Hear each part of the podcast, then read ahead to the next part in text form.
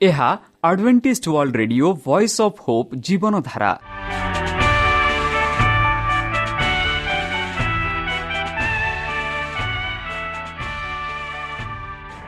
Odia radio କାର୍ଯ୍ୟକ୍ରମ ଯାହା ଆମର ଆନ୍ତର୍ଜାତୀୟ ଆଘାତ କେନ୍ଦ୍ରରୁ ପ୍ରସାରଣ କରାଯାଉଛି ପ୍ରତିଦିନ ରାତି ନଅଟା ତିରିଶ ମିନିଟ୍ରେ। ମୁଁ ସୁବ୍ରତ କୁମାର ପତି ପ୍ରେମର ସହ ଆପଣମାନଙ୍କୁ ଏହି କାର୍ଯ୍ୟକ୍ରମକୁ ସ୍ୱାଗତ କରୁଅଛି। ଚାଲନ୍ତୁ ଆଜିର ତିରିଶ ମିନିଟ୍ର କାର୍ଯ୍ୟକ୍ରମ ବିଷୟରେ ଜାଣିନେବା। ପ୍ରଥମେ ରଖିଛୁ ଆଧ୍ୟାତ୍ମିକ ଭକ୍ତିମୟ ଗୀତ। ଏହାପରେ ଶୁଣିବା ସ୍ୱାସ୍ଥ୍ୟ ବିଷୟରେ ଯାହା ଆମର ଦୈନିକ ଜୀବନରେ ଅତ୍ୟନ୍ତ ଜରୁରୀ। ଆଉ ପରିଶେଷରେ ଶୁଣିବା ପରମେଶ୍ୱରଙ୍କ ଭକ୍ତଙ୍କଠାରୁ ଜୀବନଦାୟକ ଈଶ୍ୱରଙ୍କ ବାକ୍ୟ। ପ୍ରିୟ ଶ୍ରୋତା ତାହେଲେ ଚାଲନ୍ତୁ ଶୁଣିବା ଏକ ଆଧ୍ୟାତ୍ମିକ ଭକ୍ତିମୟ ଗୀତ।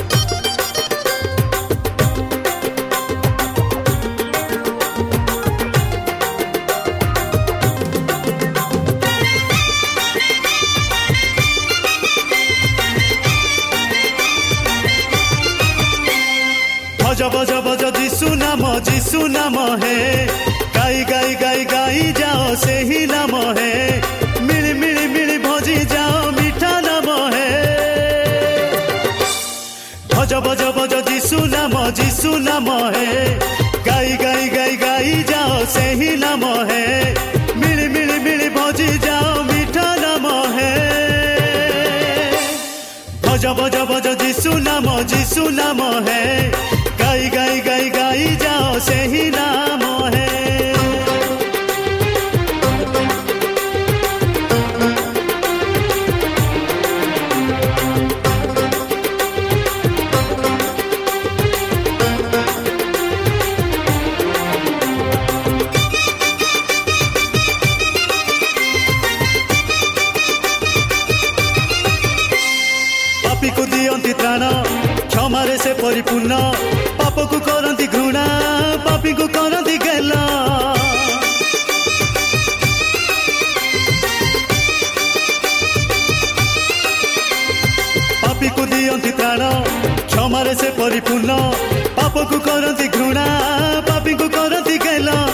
हिला हिला हिलाही हिलाही ତାଙ୍କ ସମୟ ହେ ଭଜ ଭଜ ଭଜ ଯୀଶୁ ନାମ ଯୀଶୁ ନାମ ହେ ଗାଇ ଗାଇ ଗାଇ ଗାଇ ଯାଅ ସେହି ନାମ ହେ ମିଳି ମିଳି ମିଳି ବଜି ଯାଅ ମିଠା ନାମ ହେ ଭଜ ଭଜ ଭଜ ଯୀଶୁ ନାମ ଯୀଶୁ ନାମ ହେ ଗାଇ ଗାଇ ଗାଇ ଗାଇ ଯାଅ ସେହି ନାମ ହେ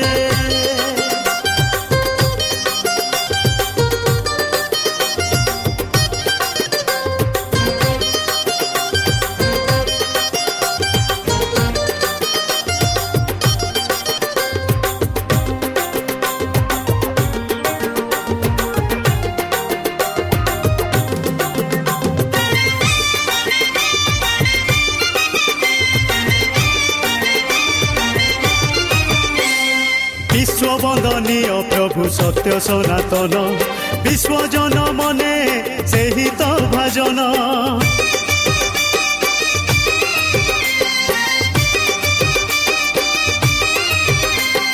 বিশ্ববন্দনীয় প্রভু সত্য সনাতন।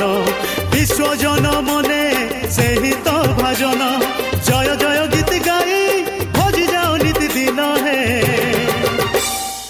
भज भज भज जीशु नाम जीशु नाम है। गाई गाई गाई गाई, जाओ से ही नाम है। मिली मिली मिली बजी जाओ, मीठा नाम है। भज भज भज जीशु नाम जीशु नाम है। गाई गाई गाई गाई, जाओ से ही नाम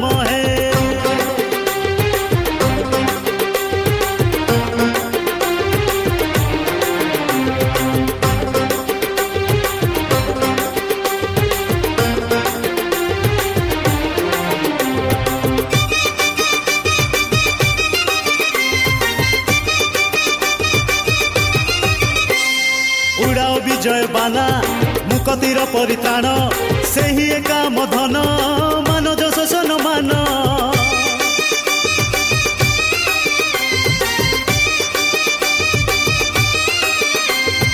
ଉଡ଼ାଓ ବିଜୟ ବାନା ମୁକତିର ପରିତ୍ରାଣ ସେହି ଏକା ମଧନ ମାନଜ ଶୋଷଣ ମାନ। ନାହିଁ ନାହିଁ ନାହିଁ ନାହିଁ କେହି ନାହିଁ ତାଙ୍କ ସମୟ ଭଜ ଭଜ ଭଜ ଯୀଶୁ ନାମ ଯୀଶୁ ନାମ ହେ। ଗାଇ ଗାଇ ଗାଇ ଗାଇ ଯାଅ ସେହି ନାମ ହେ ମିଳି ମିଳି ମିଳି ଭଜି ଯାଅ ମିଠ ନାମ ହେ ଭଜ ଭଜ ଭଜ ଯିଶୁ ନାମ ଯିଶୁ ନାମ ହେ প্রিয় শ্রোতা আমি আশা করুছু যে আমার কার্যক্রম আপনার পসন্দ লাগুব আপনার মতামত পাই আমার এই ঠিকার যোগাযোগ করতু আমার advantage media centre SDA mission compound সাি park Pune ଚାରି ଏକ ଏକ ଶୂନ ତିନି ସାତ ମହାରାଷ୍ଟ୍ର। ବା ଖୋଲନ୍ତୁ ଆମର ୱେବସାଇଟ୍ ଯେକୌଣସି Android phone smartphone desktop laptop କିମ୍ବା ଟ୍ୟାବ୍ଲେଟ୍ ଆମର website W W W dot A W R dot O R G slash O R I ଏବଂ W W W dot advantage media centre India dot O R G ବର୍ତ୍ତମାନ ଚାଲନ୍ତୁ ଶୁଣିବା ଈଶ୍ୱରଙ୍କ ଭକ୍ତଙ୍କଠାରୁ ଈଶ୍ୱରଙ୍କ ଜୀବନଦାୟକ ବାକ୍ୟ। ପ୍ରିୟ ଶ୍ରୋତା ସେହି ପରମେଶ୍ୱର ଆପଣମାନଙ୍କୁ ଆଶୀର୍ବାଦ କରନ୍ତୁ। ତାହାଙ୍କ ପ୍ରେମ ତାହାଙ୍କ ସ୍ନେହ ତାହାଙ୍କ କୃପା ତାହାଙ୍କ ଅନୁଗ୍ରହ ସଦାସର୍ବଦା ଆପଣଙ୍କଠାରେ ସହବର୍ତ୍ତୀ ରହୁ। ସେହି ପରମେଶ୍ୱର ଆପଣମାନଙ୍କୁ ସମସ୍ତ ପ୍ରକାର ଦୁଃଖ କଷ୍ଟ ବାଧା କ୍ଲେଶ ଓ ରୋଗରୁ ଦୂରେଇ ରଖନ୍ତୁ। ଶତ୍ରୁ ସୟତାନ ହସ୍ତରୁ ଆପଣମାନଙ୍କୁ ସୁରକ୍ଷାରେ ରଖନ୍ତୁ। ବିଶେଷ ଭାବରେ ବର୍ତ୍ତମାନ ଯେଉଁ କରୋନା ମହାମାରୀ ସାରା ପୃଥିବୀକୁ ଆପଣ ପ୍ରଭାବ ଦେଖାଉଅଛି ସେହି ପ୍ରଭାବରୁ ସେହି ପରମେଶ୍ୱର ଆପଣମାନଙ୍କୁ ସୁରକ୍ଷାରେ ରଖନ୍ତୁ। ପ୍ରିୟ ଶ୍ରୋତା ଚାଲନ୍ତୁ। ଆଜି ଆମ୍ଭେମାନେ କିଛି ସମୟ ତାହାଙ୍କ ପବିତ୍ର ଶାସ୍ତ୍ର ବାଇବଲଠୁ ତାହାଙ୍କ ଜୀବନଦାୟକ ବାକ୍ୟ ଧ୍ୟାନ କରିବା। ଆଜିର ଆଲୋଚନା ହେଉଛି ସେବକମାନଙ୍କର ସେବକ। ବନ୍ଧୁ ଜେରୁସାଲାମର ଏକ ବାସଗୃହର ଉପରର କୋଠରୀରେ ଖ୍ରୀଷ୍ଟ ନିଜ ଶିଷ୍ୟମାନଙ୍କ ସହିତ ଟେବୁଲରେ ବସିଥିଲେ। ନିସ୍ତାର ପର୍ବ ପାଳନ କରିବାକୁ ସେମାନେ ଏକତ୍ରିତ ହୋଇଥିଲେ। ତ୍ରାଣକର୍ତ୍ତା ବାର ଜଣଙ୍କ ସହିତ ଏହି ପର୍ବକୁ ଏକାକୀ ରଖିବାକୁ ଇଚ୍ଛା କଲେ। ସେ ଜାଣିଥିଲେ ଯେ ତାଙ୍କର ସମୟ ଆସିଛି। ସେ ନିଜେ ପ୍ରକୃତ ପାଶବର ପାଶବର ବା ନିସ୍ତାର ପର୍ବ ମେଷ ଶାବକ ଥିଲେ। ଏକ ନିସ୍ତାର ପର୍ବ ଖାଇବା ଦିନ ତାଙ୍କୁ ବଲି ଦିଆଯାଇଥିଲା। ସେ କ୍ରୋଧତର ପାନ ପିଇବାକୁ ଯାଉଥିଲେ ସେ ଶୀଘ୍ର ଯନ୍ତ୍ରଣାର ଅନ୍ତିମ ବାପ୍ଟିସ୍ମ ଗ୍ରହଣ କରିବେ। କିନ୍ତୁ ଅଳ୍ପ କିଛି ଶାନ୍ତ ଘଣ୍ଟା ତଥାପି ତାଙ୍କ ପାଖରେ ରହିଲା ଏବଂ ତାଙ୍କ ତାଙ୍କର ପ୍ରିୟ ଶିଷ୍ୟମାନଙ୍କୁ ସୁବିଧା ପାଇଁ ଖର୍ଚ୍ଚ ଦେଖାଇବାକୁ ପଡ଼ିଲା। ଖ୍ରୀଷ୍ଟଙ୍କ ସମଗ୍ର ଜୀବନ ନିଷ୍ପପାର୍ଥ ସେବା ଥିଲା ତାଙ୍କର ସେବା କରିବା ପାଇଁ ନୁହେଁ ବରଂ ସେବା କରିବା ପାଇଁ। ତାଙ୍କର ପ୍ରତ୍ୟେକ କାର୍ଯ୍ୟ ଶିକ୍ଷା ଥିଲା କିନ୍ତୁ ଶିଷ୍ୟମାନେ ଏପର୍ଯ୍ୟନ୍ତ ଶିକ୍ଷା ଗ୍ରହଣ ଗ୍ରହଣ କରିନଥିଲେ। ଏହି ଶେଷ ନିସ୍ତାର ପର୍ବରେ ଯୀଶୁ ତାଙ୍କ ଶିକ୍ଷକଙ୍କୁ ଏକ ଦୃଷ୍ଟାନ୍ତ ଦ୍ୱାରା ପୁନର୍ଭୂତି କଲେ ଯାହା ଏହାକୁ ସେମାନେ ସେମାନଙ୍କ ମନ ଏବଂ ହୃଦୟର ସବୁଦିନ ପାଇଁ ପ୍ରଭାବିତ କଲା। ଯୀଶୁ ଏବଂ ତାଙ୍କ ଶିଷ୍ୟମାନଙ୍କ ମଧ୍ୟରେ ହୋଇଥିବା ସାକ୍ଷାତକାର ଗୁଡ଼ିକ ସାଧାରଣତଃ ଶାନ୍ତ ଆନନ୍ଦର ଋତୁ ଥିଲା ଯାହା ସମସ୍ତଙ୍କ ଦ୍ୱାରା ଉତ୍ସାହମାନର ନିସ୍ତାର ପର୍ବର ଯୋଗନାକାରୀମାନେ ବିଶେଷ ଆଗ୍ରହର ଦୃଶ୍ୟ ଥିଲେ। କିନ୍ତୁ ଏହି ସମୟରେ ଯୀଶୁ ବ୍ୟତୀତ ହେଲେ ତାଙ୍କର ହୃଦୟ ଭାରସାମ୍ୟ ହରାଇ ଏହା ଛାୟା ତାଙ୍କ ମୁଖ ଉପରେ ରହିଲା। ଯେତେବେଳେ ସେ ଉପର କୋଠରୀରେ ଶିଷ୍ୟମାନଙ୍କୁ ଭେଟିଲେ ସେମାନେ ଅନୁଭବ କଲେ ଯେ ତାଙ୍କ ମନରେ କିଛି ଭାର ଅଛି ଏବଂ ଯଦିଓ ସେମାନେ ଏହାର କାରଣ ଜାଣିନାହାନ୍ତି ତଥାପି ସେମାନେ ତାଙ୍କ ଦୁଃଖୀରେ ସହାନୁଭୂତି ଦେଖାଇଲେ। ସେମାନେ ଟେବୁଲ ଉପରେ ଏକତ୍ରିତ ହେବା ବେଳେ ସେ ଦୁଃଖରେ ସ୍ୱରରେ କହିଥିଲେ ମୁଁ ଇଚ୍ଛା କରି ଏହି ନିସ୍ତାର ପର୍ବ ମୁଁ ଯନ୍ତ୍ରଣା ଭୋଗିବା ପୂର୍ବରୁ ଆପଣଙ୍କ ସହିତ ଖାଇବାକୁ ଇଚ୍ଛା କରିଥିଲି। କାରଣ ମୁଁ ତୁମକୁ କହୁଛି ଯେ ତାହା ପୂରଣ ନ ହେବା ପର୍ଯ୍ୟନ୍ତ ମୁଁ ଆଉ ଖାଇବି ନାହିଁ। ପରମେଶ୍ୱରଙ୍କ ରାଜ୍ୟରେ ସେମାନେ ଏହି ପାନ ପାତ୍ରଟିକୁ ଧନ୍ୟବାଦ ଜଣାଇ କହିଲେ ଏହାକୁ ନିଅ ଓ ନିଜ ନିଜ ଭିତରେ ବାଣ୍ଟ। ପୃଷ୍ଠ ଆଣି ଜାଣିଥିଲେ ଯେ ଜଗତର ବିଦାୟ ନେଇ ତାଙ୍କ ପିତାଙ୍କ ନିକଟକୁ ଯିବାର ସମୟ ଆସିଛି ଏବଂ ଜଗତରେ ଥିବା ନିଜର ପ୍ରେମ କରି ସେ ସେମାନଙ୍କୁ ଶେଷ ପର୍ଯ୍ୟନ୍ତ ପ୍ରେମ କଲେ। ସେ ବର୍ତ୍ତମାନ କୃଷର ଛାଇରେ ଥିଲେ ଏବଂ ଯନ୍ତ୍ରଣା ତାଙ୍କ ହୃଦୟକୁ ଯନ୍ତ୍ରଣା ଦେଇଥିଲା। ସେ ଜାଣିଥିଲେ ଯେ ତାଙ୍କର ବିଶ୍ୱାସଘାତତା ସମୟ ସେ ପରିତ୍ୟକ୍ତ ହେବେ।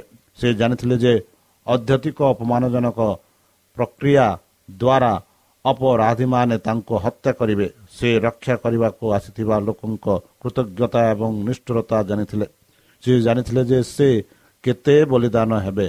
ଏବଂ କେତେ ବୃଥା ହେବେ ତାଙ୍କ ଆଗରେ ଥିବା ସମସ୍ତ ବିଷୟ ଜାଣି ସେ ହୁଏତ ନିଜ ଅପମାନ ଏବଂ ଯନ୍ତ୍ରଣା ବିଷୟରେ ଭାବି ଅତିଷ୍ଠ ହୋଇଥାନ୍ତେ କିନ୍ତୁ ସେ ବାର ଜଣଙ୍କୁ ଦେଖିଲେ ଯେଉଁମାନେ ତାଙ୍କ ସହିତ ତାଙ୍କ ସହିତ ଥିଲେ ଏବଂ ଲଜ୍ଜା ଦୁଃଖ ଏବଂ ଯନ୍ତ୍ରଣାଦାୟକ ବ୍ୟବହାର ସମାପ୍ତ ହେବା ପରେ ଦୁନିଆରେ ସଂଘର୍ଷ କରିବାକୁ ଛାଡ଼ି ଦିଆଯିବ ସେ ନିଜେ ଯାହା ଭୋଗିବାକୁ ପଡ଼ିବ ସେ ବିଷୟରେ ତାଙ୍କର ଚିନ୍ତାଧାରା ତାଙ୍କ ଶିଷ୍ୟମାନଙ୍କ ସହିତ ସର୍ବଦା ଜଡ଼ିତ ଥିଲା। ସେ ନିଜ ବିଷୟରେ ଭାବିନଥିଲେ ସେମାନେ ପ୍ରତି ତାଙ୍କର ଯତ୍ନ ତାଙ୍କ ମନରେ ସର୍ବୋଚ୍ଚ ଥିଲା। ବନ୍ଧୁ ଏହି ଶେଷ ସନ୍ଧ୍ୟାରେ ନିଜ ଶିଷ୍ୟମାନଙ୍କ ସହିତ ଯୀଶୁ ସେମାନଙ୍କୁ ବହୁତ କିଛି କହିବାକୁ ଲାଗିଲେ। ଯଦି ସେ ଯାହା ଦେବାକୁ ଚାହୁଁଥିଲେ ତାହା ପାଇବାକୁ ସେମାନେ ପ୍ରସ୍ତୁତ ହୋଇଥାନ୍ତେ ତେବେ ସେମାନେ ହୃଦୟ ବିଦାର ଦୁଃଖରୁ ନିରାଶ ଏବଂ ଅବିଶ୍ୱାସରୁ ରକ୍ଷା ପାଇଥାନ୍ତେ। କିନ୍ତୁ ଯୀଶୁ ଦେଖିଲେ ଯେ ସେ ଯାହା କହିବେ ତାହା ସହିପାରିବେ ନାହିଁ। ସେ ସେମାନଙ୍କ ମୁହଁକୁ ଚାହିଁଲେ ଓଠରେ ଚେତାବନୀ ଏବଂ ସ୍ୱାନ୍ତନ ବାକ୍ୟ ରହିଲା କିଛି ସମୟ ନିରବରେ ଚାଲିଗଲା। ଯୀଶୁ ଅପେକ୍ଷା କରିଥିବା ପରି ଦେଖାଗଲା ଶିଷ୍ୟମାନେ ଆରାମରେ ଅସ୍ତୁତ ଥିଲେ। କୃଷ୍ଣଙ୍କ ଦୁଃଖରେ ଜାଗ୍ରତ ହୋଇଥିବା ସହାନୁଭୂତି ଏବଂ କୋମଳତା ଚାଲିଯାଇଥିବା ପରି ମନେ ହେଉଥିଲା। ତାଙ୍କ ଦୁଃଖର ବାକ୍ୟ ନିଜ ଦୁଃଖକୁ ସୂଚାଇ ସାମାନ୍ୟ ପ୍ରଭାବ ପକାଇ ନଥିଲା ସେମାନେ ପରସ୍ପର ଉପରେ ପକାଇଥିବା ଈର୍ଷା ଏବଂ ବିବାଦ ବିଷୟରେ କହିଥିଲେ। ସେମାନଙ୍କ ମଧ୍ୟରେ ହୋଇଥିଲା ସେମାନଙ୍କ ମଧ୍ୟରୁ କେଉଁଟି ସର୍ବଶ୍ରେଷ୍ଠ ବୋଲି ଗଣନା ଯିବା ଉଚିତ? କୃଷ୍ଣଙ୍କ ଉପସ୍ଥିତିରେ ଚାଲିଥିଲା ଥିବା ଏହି ବିବାଦ ତାଙ୍କୁ ଦୁଃଖିତ ଏବଂ କ୍ଷତବିକ୍ଷତ କଲା। ଶିଷ୍ୟମାନେ ସେମାନଙ୍କ ପ୍ରିୟ ଧାରଣାକୁ ଧରି ରଖିଲେ ଯେ ଖ୍ରୀଷ୍ଟ ତାଙ୍କର ଶକ୍ତି ଜାହିର କରିବେ ଏବଂ ତାହାଙ୍କ ସିଂହାସନରେ ତାଙ୍କ ସ୍ଥାନ ଗ୍ରହଣ କରିବେ ଏବଂ ହୃଦୟର ପ୍ରତ୍ୟେକ ତଥାପି ସର୍ବୋଚ୍ଚ ସ୍ଥାନ ପାଇଁ ଇଚ୍ଛା କରୁଥିଲେ। ରାଜ୍ୟ ସେମାନେ ନିଜ ଉପରେ ଏବଂ ପରସ୍ପର ଉପରେ ନିଜର ଆକଳନ ରଖିଥିଲେ ଏବଂ ନିଜ ଭାଇମାନଙ୍କ ଅଧିକ ଯୋଗ୍ୟ ବୋଲି କହିବା ପରିବର୍ତ୍ତେ ସେମାନେ ନିଜକୁ ପ୍ରଥମ ସ୍ଥାନ ଦେଇଥିଲେ। କୃଷ୍ଣଙ୍କ ସିଂହାସନ ଡାହାଣ ଓ ବାମ ପାର୍ଶ୍ୱରେ ବସିବା ପାଇଁ ଜାକୁବ ଏବଂ ଜହନଙ୍କ ଅନୁରୋଧ ଅନ୍ୟମାନଙ୍କ କ୍ରୋଧକୁ ଉତ୍ସାହିତ କରିଥିଲା। ଦୁଇ ଭାଇ ସର୍ବୋଚ୍ଚ ପଦ୍ଧତି ମାଗିବା ପାଇଁ ଅନୁମାନ କରିବା ଉଚିତ ଯେ ଧନ ଦଶ ଜଣଙ୍କୁ ଉତ୍ତେଜିତ କଲା ଯେ ବିଚ୍ଛିନ୍ନତା ବିପଦ। ସେମାନେ ଅନୁଭବ କଲେ ଯେ ସେମାନଙ୍କୁ ଭୁଲ ବିଚାର କରାଯାଇଛି। ସେମାନଙ୍କ ବିଶ୍ୱସ୍ତତା ଏବଂ ପ୍ରତିଭାକୁ ପ୍ରଶଂସା କରାଯାଇଛି। ସେମାନଙ୍କ ବିଶ୍ୱସ୍ତତା ଏବଂ ପ୍ରତିଭାକୁ ପ୍ରଶଂସା କରାଯାଇ ନାହିଁ। ଜକୁବ ଓ ଜହନଙ୍କ ପରେ ଯୋଉଦା ସବୁଠାରୁ ଭୟଙ୍କର ଥିଲା। ବନ୍ଧୁ ଯେତେବେଳେ ଶିଷ୍ୟମାନେ ରାତ୍ରି ଭୋଜନରେ ପ୍ରବେଶ କଲେ ସେମାନଙ୍କ ହୃଦୟ ବିରକ୍ତ ଭାବନାରେ ପରିପୂର୍ଣ୍ଣ ହେଲା। ଯୋଉଦା ବାମ ପାର୍ଶ୍ୱରେ ଖ୍ରୀଷ୍ଟଙ୍କ ପାଖରେ ଦୁବାଇଲେ ଜନ୍ ଡାହାଣ ପାର୍ଶ୍ୱରେ ଥିଲେ। ଯଦି ଏକ ଉଚ୍ଚ ସ୍ଥାନ ଥାଏ ଯୋହୁଦା ଏହାକୁ ପାଇବାକୁ ସ୍ଥିର କରିଥିଲେ ଏବଂ ସେହି ସ୍ଥାନ କୃଷ୍ଣଙ୍କ ପାଖରେ ବୋଲି ଭାବିଥିଲେ। ଯୋହୁଦା ଦେଶଦ୍ରୋହୀ ଥିଲା। ମତଭେଦର ଅନ୍ୟ ଏକ କାରଣ ଉପଜିତ ଥିଲା। ଏକ ଭୋଜିରେ ଜଣେ ଚାକର ଅତିଥିମାନଙ୍କ ପାଦ ଧୋଇବା ପ୍ରଥା ଥିଲା। ଏହି ଅବସରରେ ସେବା ପାଇଁ ପ୍ରସ୍ତୁତ କରାଯାଇଥିଲା। ପାଦ ଧୋଇବା ପାଇଁ ପ୍ରସ୍ତୁତ ଥିବା ପାତ୍ର ବାସନ ଏବଂ ଟାୱାଲ ସେଠାରେ ଥିଲା କିନ୍ତୁ କୌଣସି ସେବକ ଉପସ୍ଥିତି ନଥିଲେ ଏବଂ ତାହା କରିବା ଶିଷ୍ୟମାନଙ୍କ ଅଂଶ ଥିଲା। କିନ୍ତୁ ପ୍ରତ୍ୟେକ ଶିଷ୍ୟ କ୍ଷତ ବିକ୍ଷତ ଅହଙ୍କାରରେ ସମର୍ପିତ ହେଲେ ସେବକଙ୍କ କାର୍ଯ୍ୟ ନ କରିବାକୁ ସ୍ଥିର କଲେ ସମସ୍ତେ ଏକ ଷ୍ଟୋୟକଲ ଅସାଧବନତା ସମସ୍ତେ ଏକ ଅସାବଧାନତା ଦେଖାଇଲେ। ଅଜ୍ଞାତା ମନେ ହେଲା ଯେ ସେମାନଙ୍କ ପାଇଁ କିଛି ଅଛି। ସେମାନଙ୍କ ନିରବତା ଦ୍ୱାରା ସେମାନେ ନିଜକୁ ନମ୍ର କରିବାକୁ ମନା କଲେ।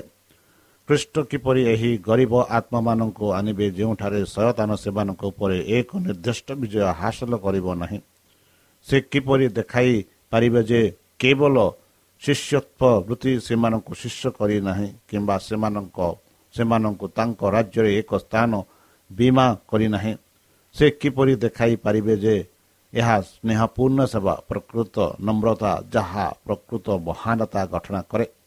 ସେ କିପରି ସେମାନଙ୍କ ହୃଦୟରେ ପ୍ରେମ କରିବା ଏବଂ ସେମାନଙ୍କୁ ଯାହା କରିବାକୁ ଇଚ୍ଛା କଲେ ତାହା ବୁଝିବେ ସେମାନଙ୍କୁ କିପରି ସକ୍ଷମ କଲେ? ବନ୍ଧୁ ଶିଷ୍ୟମାନେ ପରସ୍ପର ସେବା କରିବା ଦିଗରେ କୌଣସି ପଦପେକ୍ଷ ନେଲେ ନାହିଁ। ସେମାନେ କ'ଣ କରିବେ ଦେଖିବା ପାଇଁ ଯୀଶୁ କିଛି ସମୟ ଅପେକ୍ଷା କଲେ। ତାପରେ ସେ ଈଶ୍ୱରୀୟ ଶିକ୍ଷିତ ଟେବୁଲରୁ ଉଠିଲେ। ବାହ୍ୟ ବସ୍ତ୍ରକୁ ଅଲଗା କରି ଯାହା ତାଙ୍କ ଗତିବିଧିରେ ବାଧା ସୃଷ୍ଟି କରିଥିଲା ସେ ଏକ ଟାୱଲ ନେଇ ନିଜକୁ ବାନ୍ଧିଲେ ଶିଷ୍ୟମାନେ ଆଶ୍ଚର୍ଯ୍ୟ ହୋଇ ଚାହିଁ ରହିଲେ ଏବଂ ଅନୁସରଣ କରିବାକୁ କ'ଣ ହେବାକୁ ନିରବରେ ଅପେକ୍ଷା କଲେ ଏହାପରେ ସେ ଏକ ପାତ୍ରରେ ପାଣି ଢାଲିଲେ ଏବଂ ଶିଷ୍ୟମାନଙ୍କ ପାଦ ଧୋଇବାକୁ ଲାଗିଲେ ଏହି କାର୍ଯ୍ୟ ଶିଷ୍ୟମାନଙ୍କ ଆଖି ଖୋଲିଲା ତିକ୍ତ ଲଜ୍ଜା ଏବଂ ଅପମାନ ସେମାନଙ୍କ ହୃଦୟକୁ ପରିପୂର୍ଣ୍ଣ କଲା ସେମାନେ ଅବିଭକ୍ତି ବର୍ଜନାକୁ ବୁଝିଲେ ଏବଂ ନିଜକୁ ଏକ ନୂତନ ଆଲୋକ ଦେଖିଲେ। ବନ୍ଧୁ ତେଣୁ ଖ୍ରୀଷ୍ଟ ନିଜ ଶିଷ୍ୟମାନଙ୍କ ପ୍ରତି ତାଙ୍କର ପ୍ରେମ ପ୍ରକାଶ କଲେ। ସେମାନଙ୍କ ସ୍ୱାର୍ଥର ଆତ୍ମା ତାଙ୍କୁ ଦୁଃଖରେ ପରିପୂର୍ଣ୍ଣ କଲା କିନ୍ତୁ ସେ ସେମାନଙ୍କ ଅସୁବିଧା ବିଷୟରେ କୌଣସି ବିବାଦ ଭିତରେ ଗଲେ ନାହିଁ। ବରଂ ସେ ସେମାନଙ୍କୁ ଏକ ଉଦାହରଣ ଦେଇଛନ୍ତି ଯେ ଯାହା ସେମାନେ କେବେ ବି ଭୁଲି ପାରିବେ ନାହିଁ। ସେମାନଙ୍କ ପ୍ରତି ତାଙ୍କର ପ୍ରେମ ସହଜରେ ବିଚଳିତ ନଥିଲା କିମ୍ବା ଲିଭା ଯାଇ ନଥିଲା। ସେ ଜାଣିଥିଲେ ଯେ ପିତା ସମସ୍ତ ଜିନିଷ ତାଙ୍କ ହାତରେ ଦେଇଛନ୍ତି ଏବଂ ସେ କୃଷ୍ଣଙ୍କଠାରେ ଈଶ୍ୱରଙ୍କଠାରେ ଆସି ଈଶ୍ୱରଙ୍କ ନିକଟକୁ ଯାଇଛନ୍ତି। ତାଙ୍କର ଈଶ୍ୱରଙ୍କ ସମ୍ପୂର୍ଣ୍ଣ ଚେତନା ଥିଲା କିନ୍ତୁ ସେ ତାଙ୍କର ରାଜକୀୟ ମୁକୁଟ ଓ ରାଜ ବସ୍ତ୍ରକୁ ଅଲଗା କରି ସେବକ ରୂପେ ଗ୍ରହଣ କଲେ। ପୃଥିବୀ ତାଙ୍କ ଜୀବନର ଶେଷ କାର୍ଯ୍ୟଗୁଡ଼ିକ ମଧ୍ୟରୁ ଗୋଟିଏ ହେଲା ସେବକ ଭାବରେ ନିଜକୁ ବାନ୍ଧିବା। ଏବଂ ସେବକ ଅଂଶ କରିବା। ନିସ୍ତାର ପର୍ବ ପୂର୍ବରୁ ଜିହୁଦା ଯାଜକ ଓ ଧର୍ମଶାସ୍ତ୍ରୀମାନଙ୍କ ସହିତ ଦ୍ୱିତୀୟ ଥର ସାକ୍ଷାତ କରି ଯୀଶୁଙ୍କୁ ସେମାନଙ୍କ ହସ୍ତରେ ସମର୍ପଣ କରିବା ପାଇଁ ଚୁକ୍ତିବଦ୍ଧ କରିଦେଲେ। ତଥାପି ସେ ଶିଷ୍ୟମାନଙ୍କ ସହିତ ମିଶିଗଲେ ଯେପରି କୌଣସି ଭୁଲରେ ନିର୍ଦ୍ଦେଶ ଏବଂ ଭୋଜି ପାଇଁ ପ୍ରସ୍ତୁତ କାର୍ଯ୍ୟରେ ଆଗ୍ରହୀ ଥିଲେ। ଶିଷ୍ୟମାନେ ଯୁହୁଦାର ଉଦ୍ଦେଶ୍ୟ ବିଷୟରେ କିଛି ଜାଣିନଥିଲେ। କେବଳ ଯୀଶୁ ତାଙ୍କର ରହସ୍ୟ ପଢ଼ିବା ପଢ଼ିପାରିଥିଲେ ତଥାପି ସେ ତାହା ପ୍ରକାଶ କଲେ ନାହିଁ ଯୀଶୁ ନିଜ ପ୍ରାଣ ପାଇଁ ଭୋକରେ ଥିଲେ ଯେତେବେଳେ ସେ ବିନାଶ ହୋଇଥିବା ନଗର ଉପରେ କାନ୍ଦିଲେ ସେତେବେଳେ ସେ ତାଙ୍କ ପାଇଁ ଏକ ଭାର ଅନୁଭବ କଲେ। ତାଙ୍କର ହୃଦୟ କାନ୍ଦୁଥିଲା ମୁଁ ତୁମକୁ କିପରି ଛାଡ଼ି ପାରିବି? ସେହି ପ୍ରେମର ପ୍ରତିବନ୍ଧକ ଶକ୍ତି ଜୁହୁଦା ଦ୍ୱାରା ଅନୁଭବ କରାଯାଇଥିଲା। ଯେତେବେଳେ ତ୍ରାଣକର୍ତ୍ତାଙ୍କ ହାତ ସେହି ମହିଳା ପାଦକୁ ସ୍ଥାନ କରାଇଲା ଓ ଟାୱଲ ପୋଛି ଦେଲା ସେତେବେଳେ ଜୁହୁଦାର ହୃଦୟ ସେହି ପାର୍ଶ୍ୱରେ ଏକ ନିଜ ପାପ ସ୍ୱୀକାର କରିବାକୁ ଉତ୍ସାହିତ ହୋଇ ଆନନ୍ଦିତ ହୋଇଥିଲେ କିନ୍ତୁ ସେ ନିଜକୁ ନମ୍ର କରିବେ ନାହିଁ।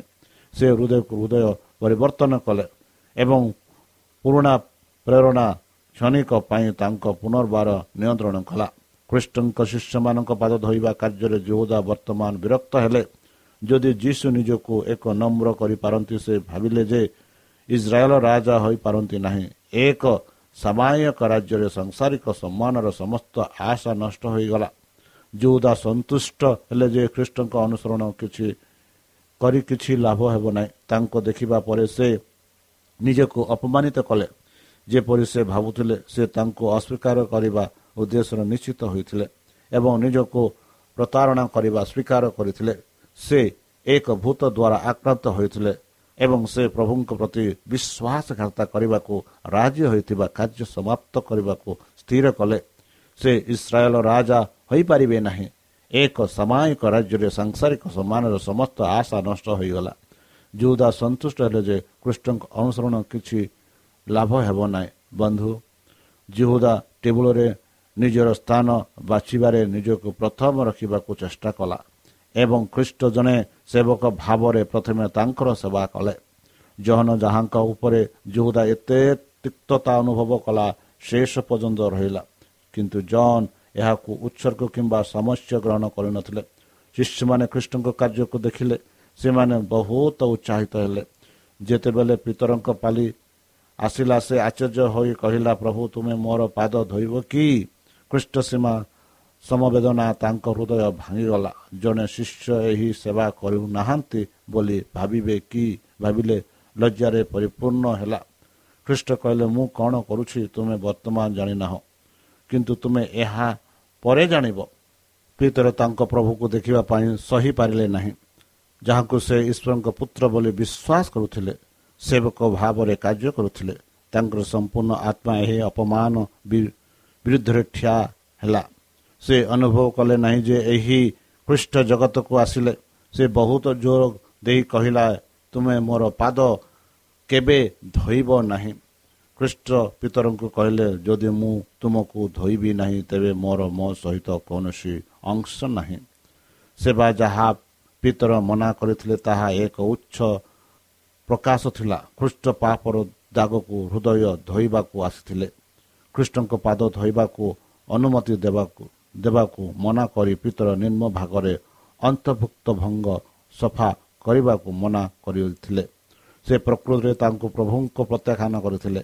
ଆମ ସଦୁତା ପାଇଁ ତାଙ୍କୁ କାମ କରିବାକୁ ଅନୁମତି ଦେବା ଗୁରୁଙ୍କ ପ୍ରତି ଅପମାନଙ୍କ ଜନକ ନୁହେଁ। ପ୍ରକୃତ ନମ୍ରତା ହେଉଛି ଆମ ତରଫରୁ କରାଯାଇଥିବା କୌଣସି ବ୍ୟବସ୍ଥାକୁ କୃତଜ୍ଞତାର ସହିତ ଗ୍ରହଣ କରିବା ଏବଂ ଆନ୍ତରିକତାର ସହିତ କୃଷ୍ଣଙ୍କ ପାଇଁ ସେବା କରିବା। ଯଦି ମୁଁ ତୁମକୁ ଧୋଇବି ନାହିଁ ତୁମର ମୋର ସହିତ କୌଣସି ଅଂଶ ନାହିଁ। ପିତର ନିଜର ଗର୍ଭ ଏବଂ ଆତ୍ମା ଇଚ୍ଛା ସମର୍ପଣ କଲେ। ସେ କୃଷ୍ଣଙ୍କଠାରେ ଅଲଗା ହେବାର ଚିନ୍ତା ସହିପାରିଲେ ନାହିଁ ତାହା ତାଙ୍କ ପାଇଁ ମୃତ୍ୟୁ ହୋଇଥାନ୍ତା ସେ କହିଥିଲେ। କେବଳ ମୋର ପାଦ ନୁହେଁ ମୋର ହାତ ଓ ମୁଣ୍ଡ ମଧ୍ୟ ଅଛି।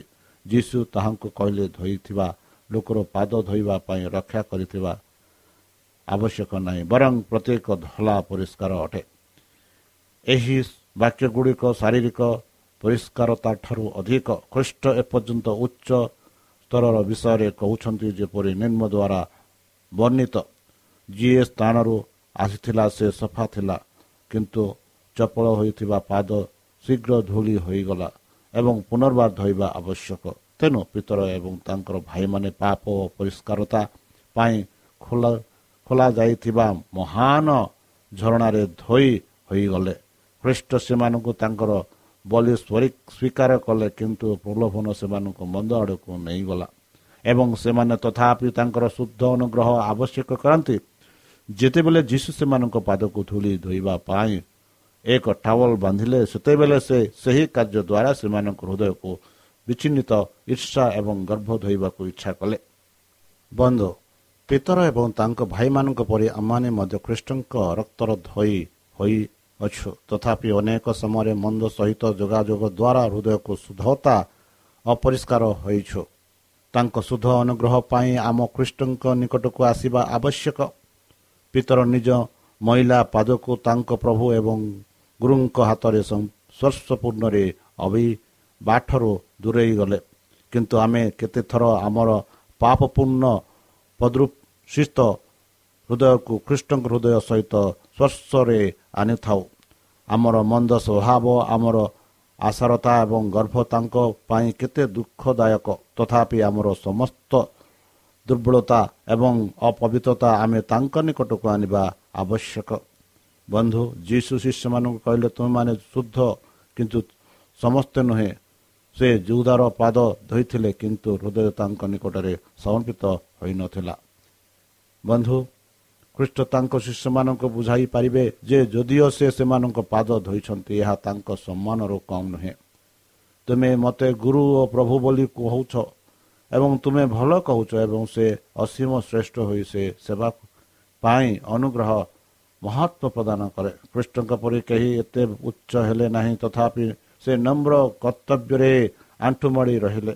ଯେହେତୁ ତାଙ୍କ ଲୋକମାନେ ପ୍ରାକୃତିକ ହୃଦୟରେ ବାସ କରୁଥିବା ସ୍ୱାର୍ଥପରତା ଦ୍ୱାରା ଭ୍ରମିତ ନ ହୁଅନ୍ତି ଏବଂ ଯାହା ଆତ୍ମସେବା ଦ୍ୱାରା ଦୃଢ଼ ହୁଏ ଖ୍ରୀଷ୍ଟ ନିଜ ନମ୍ରତାର ଉଦାହରଣ ସୃଷ୍ଟି କଲେ।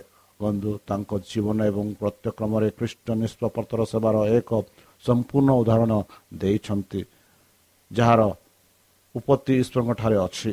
ଈଶ୍ୱରଙ୍କ ନିଜ ପାଇଁ ବଞ୍ଚିତ ନାହିଁ। ଜଗତ ସୃଷ୍ଟି କରି ଏବଂ ସମସ୍ତ ଜିନିଷକୁ ସମର୍ଥନ କରି ସେ ଅନ୍ୟମାନଙ୍କ ପାଇଁ ନିରନ୍ତର ସେବା କରିଛନ୍ତି।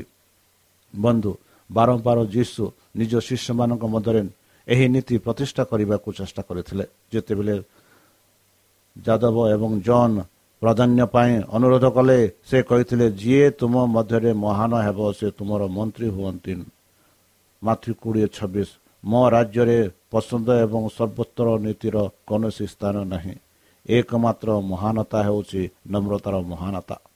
ଅନ୍ୟମାନଙ୍କ ସେବା ପ୍ରତି ଭକ୍ତି ଭାବରେ ଏକମାତ୍ର ପାର୍ଥକ୍ୟ ମିଳିଥାଏ ବନ୍ଧୁ ସ୍ୱର୍ଗୀୟ ଆସିଥିବା ପବିତ୍ର ରାକ୍ଷୀ ଏହି ଋତୁରେ ଉପସ୍ଥିତ ରହି ଏହାକୁ ପ୍ରାଣର ସନ୍ଧାନ ପାପରୁ ବିଶ୍ୱାସ ଏବଂ କ୍ଷମା କରାଯାଇଥିବା ପାପ ଗୁଡ଼ିକ ଆଶୀର୍ବାଦ ନିଶ୍ଚତତା ଖ୍ରୀଷ୍ଟ ତାଙ୍କ ଅନୁଗ୍ରହ ପରିପୂର୍ଣ୍ଣରେ ସ୍ୱାର୍ଥପର ଚ୍ୟାନେଲ ଚାଲୁଥିବା ଚିନ୍ତାଧାରା ସମ୍ରାତିକ ପରିବର୍ତ୍ତନ କରିବାକୁ ସେଠାରେ ଅଛନ୍ତି। ତାହେଲେ ଚାଲନ୍ତୁ ପ୍ରିୟସତା ନିଜକୁ ସେହି କୃଷ୍ଣଙ୍କ ହାତରେ ସମର୍ପଣ କରି ତାହାଙ୍କଠାରେ ଆମେ ବଞ୍ଚିବା। ତାଙ୍କଠାରୁ ଆମେ ଶୁଦ୍ଧ ହେବା। ତାଙ୍କ ରକ୍ତ ଦ୍ୱାରା ଆମେ ଶୁଦ୍ଧ ହେବା। ତାଙ୍କ ମୃତ୍ୟୁ ଦ୍ୱାରା ଆମେ ଶୁଦ୍ଧ ହେବା।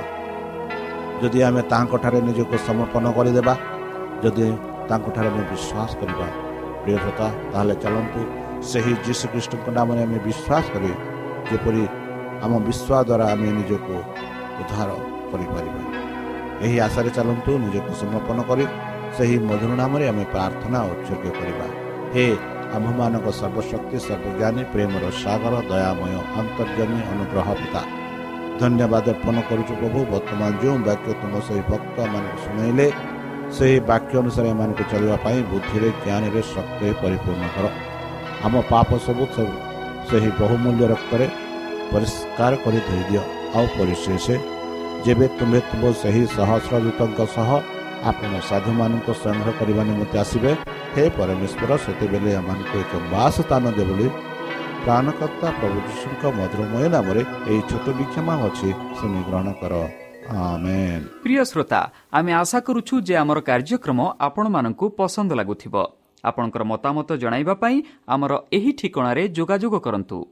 ଆମ ଠିକଣା Adventist media centre SDA mission compound Salisbury park Pune ଚାରି ଏକ ଏକ ଶୂନ ତିନି ସାତ ମହାରାଷ୍ଟ୍ର ବା ଖୋଲନ୍ତୁ ଆମର ୱେବସାଇଟ୍ ଯେକୌଣସି Android phone smartphone desktop laptop କିମ୍ବା ଟ୍ୟାବ୍ଲେଟ୍ ଆମର website W W W dot A W R dot O R G slash O R I ଏବଂ W W W dot advantage media centre India dot O R G advantage media centre ଇଣ୍ଡିଆର spelling ହେଉଛି A D V N T I S T M E D I A C N T R E I N D I A ଅଥବା download କରନ୍ତୁ ଆମର mobile app ଆପଣଙ୍କର mobile play ଷ୍ଟୋରକୁ ଯାଆନ୍ତୁ ଆଉ type କରନ୍ତୁ ଦ ଭଏସ୍ ଅଫ୍ ହୋପ୍ ଆଉ download କରନ୍ତୁ ଈଶ୍ୱର ଆପଣଙ୍କୁ ଆଶୀର୍ବାଦ କରନ୍ତୁ ଧନ୍ୟବାଦ